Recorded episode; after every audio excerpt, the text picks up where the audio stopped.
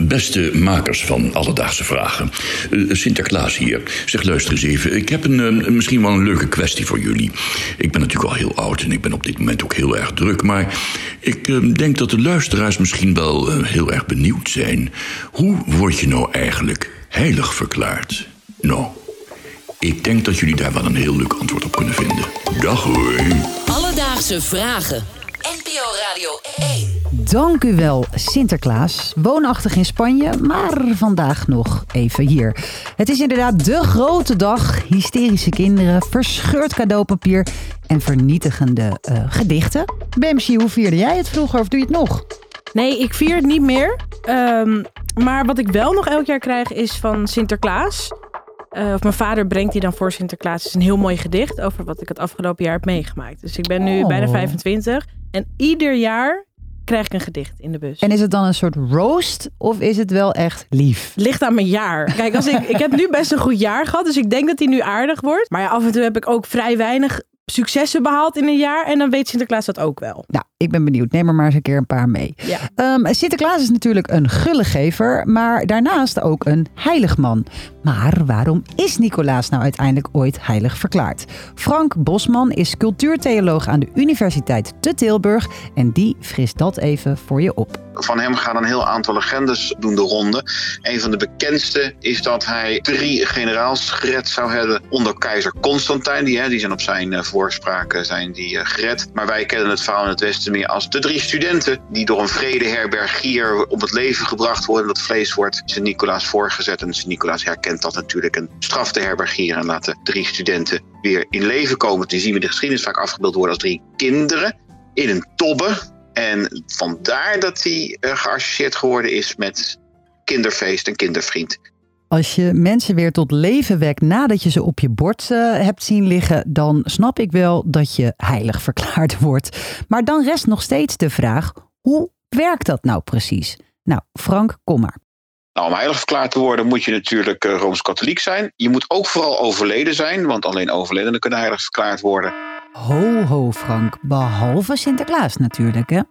Uh, dan moeten de mensen uh, tot jou gaan bidden. Hè? Dat uh, doen katholieken, die bidden naar hun, naar hun overledene om hulp en bijstand en een goed woordje bij God. En als er dan aan jou gebeden wordt, hè, je een wonder doet, dan wordt er een proces in gang gezet van heiligverklaring. In eerste instantie gaat de lokale bisschop erover. Die moet ervan onder de indruk zijn. Die moet dat doorbrieven naar Rome. Daar heb je dan een speciale afdeling van heilig- en zaligverklaringen.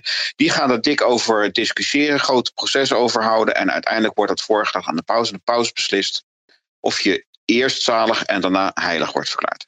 Wow, ik heb volgens mij een soort van awakening. Eerst dacht ik, hé, maar wij bidden helemaal niet tot Sinterklaas. Maar toen, als wij ons schoentje zetten en we lopen voor hem te zingen, zijn we eigenlijk aan het bidden. Tada! Echt? Is dat, klopt dit? nee, maar ik vind het wel een hele mooie oh. anekdote. Om zalig verklaard te worden moet je één wonder op je naam hebben. Om heilig verklaard te worden minimaal twee. Maar alles valt of staat uiteindelijk bij de mening van de paus. Het nut van heilig verklaard worden is er vooral voor ons. Het zijn vaak mensen die zouden inspireren en dus een voorbeeldfunctie hebben. Daarnaast kan je tot ze bidden en kunnen ze misschien een goed woordje voor je doen bij de Heer. En dan rest mij natuurlijk ook nog de vraag: moet je eigenlijk een heel goed, gezellig mens zijn om heilig verklaard te worden? Mensen denken altijd, heiligen, dat zullen wel perfecte mensen zijn. Maar dat zeg je in het Nederlands. Hè? Oh, dat lijkt wel een heilige. En dan bedoel je dat hij een heel perfect leven heeft. Maar de meeste heiligen zijn uitermate onplezierige mensen om mee samen te werken. Super eigenwijs of heel erg drammerig. Of enorm, ook heel enorm overtuigd van hun eigen geweldigheid en hun eigen goedheid en dergelijke. En desondanks hebben ze iets, of soms meerdere dingen gedaan waarvan wij na zoveel jaar nog zeggen. En toch is het goed dat we aan die mensen denken en dat we ons die mensen als voorbeeld uh, neerzetten. Dus heilig zijn betekent zeker niet dat je perfect bent, wel dat je iets te melden hebt. Alledaagse vragen. Oké, okay, nu we weten hoe we heilig verklaard kunnen worden, is het natuurlijk ook leuk om te weten of je die titel kan verliezen. Is het dus mogelijk om ontheiligd te worden?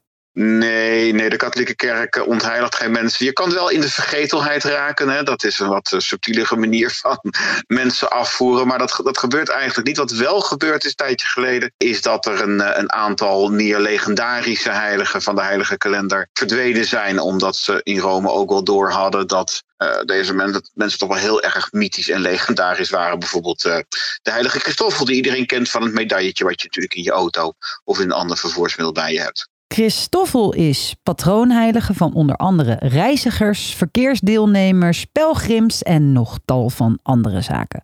Maar in 1969 is hij door het Vaticaan afgevoerd van de heilige kalender. Lokaal kan hij nog wel een belangrijke rol hebben. Dus Sinterklaas. Om heilig verklaard te worden moet je minimaal twee wonderen op je naam hebben staan. Ook moet je katholiek zijn en dood. Oei, gaan we weer. Sorry Sinterklaas, natuurlijk niet in uw geval. En vervolgens moet er tot je gebeden worden en je moet kunnen inspireren. Uiteindelijk bepaalt de paus het gewoon. Uh, heb je nou ook een hele leuke vraag? Stuur die dan naar ons via Instagram, Alledaagse Vragen of via de mail alledaagsvragen.radio1.nl. Alledaagse Vragen. NPO Radio 1. BNN Vara. Podcast.